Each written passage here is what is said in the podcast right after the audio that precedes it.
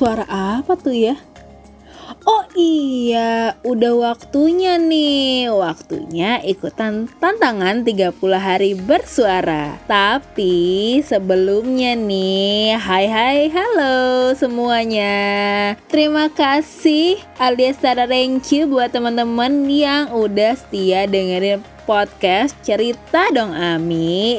Dan kali ini di episode 0 dari 30 hari bersuara Kita mau ngobrol-ngobrol seru tetap dengan konsep Cerita Dong Ami. Tapi ada hal lain yang aku nih kali ini ditantang buat 30 hari bersuara. Hmm, challenge banget sih. Apalagi di tengah hiruk pikuk perkontenan ini gitu ya. Tapi ya patut kita coba lah. Nah buat teman-teman yang udah sering ikutan podcast dari cerita dong Ami aku mau bilang makasih banget ya dan beberapa aku udah nerima feedbacknya. Kalian keren banget udah ngasih dan inspirasi aku selama ini. Tapi tujuan podcast ini sebenarnya apa sih ada yang tahu nggak apakah Ami cuma mau membagi kegelisahan saja? Enggak teman-teman. Jadi sayangnya dari episode-episode sebelumnya cerita dong Ami kita belum kenalan. Nah aku mau kenalin diri dulu nama aku Ami Kamila. Itu adalah nama udara atau nama aku biasa akrab di sampah. Kenapa sih awalnya si Ami ini bikin podcast cerita dong Ami? Kenapa? Karena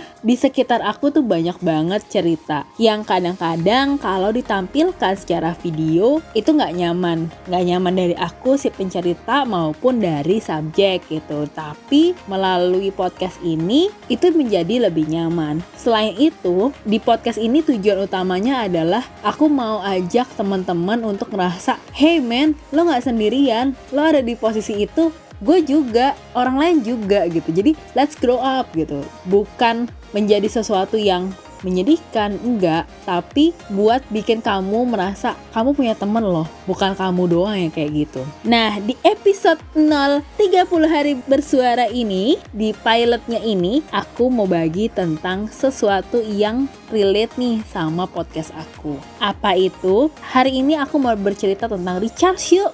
30 hari bersuara ini menurut aku tepat banget karena di 30 hari bersuara kita bisa recharge lagi apa sih yang udah kejadian dari awal hidup kita di tahun 2020 sampai nanti di akhir tahun 2020 ini dan memasuki 2021. Selain itu, seperti yang kita juga rasain yang juga aku bagikan bahwa ada dari segala rasa di masa pandemi, challenge yang berbeda mungkin dari tahun lalu, rencana-rencana yang berubah secara signifikan di tahun ini gitu ya. Itu semua sebenarnya ada rahasia di balik itu.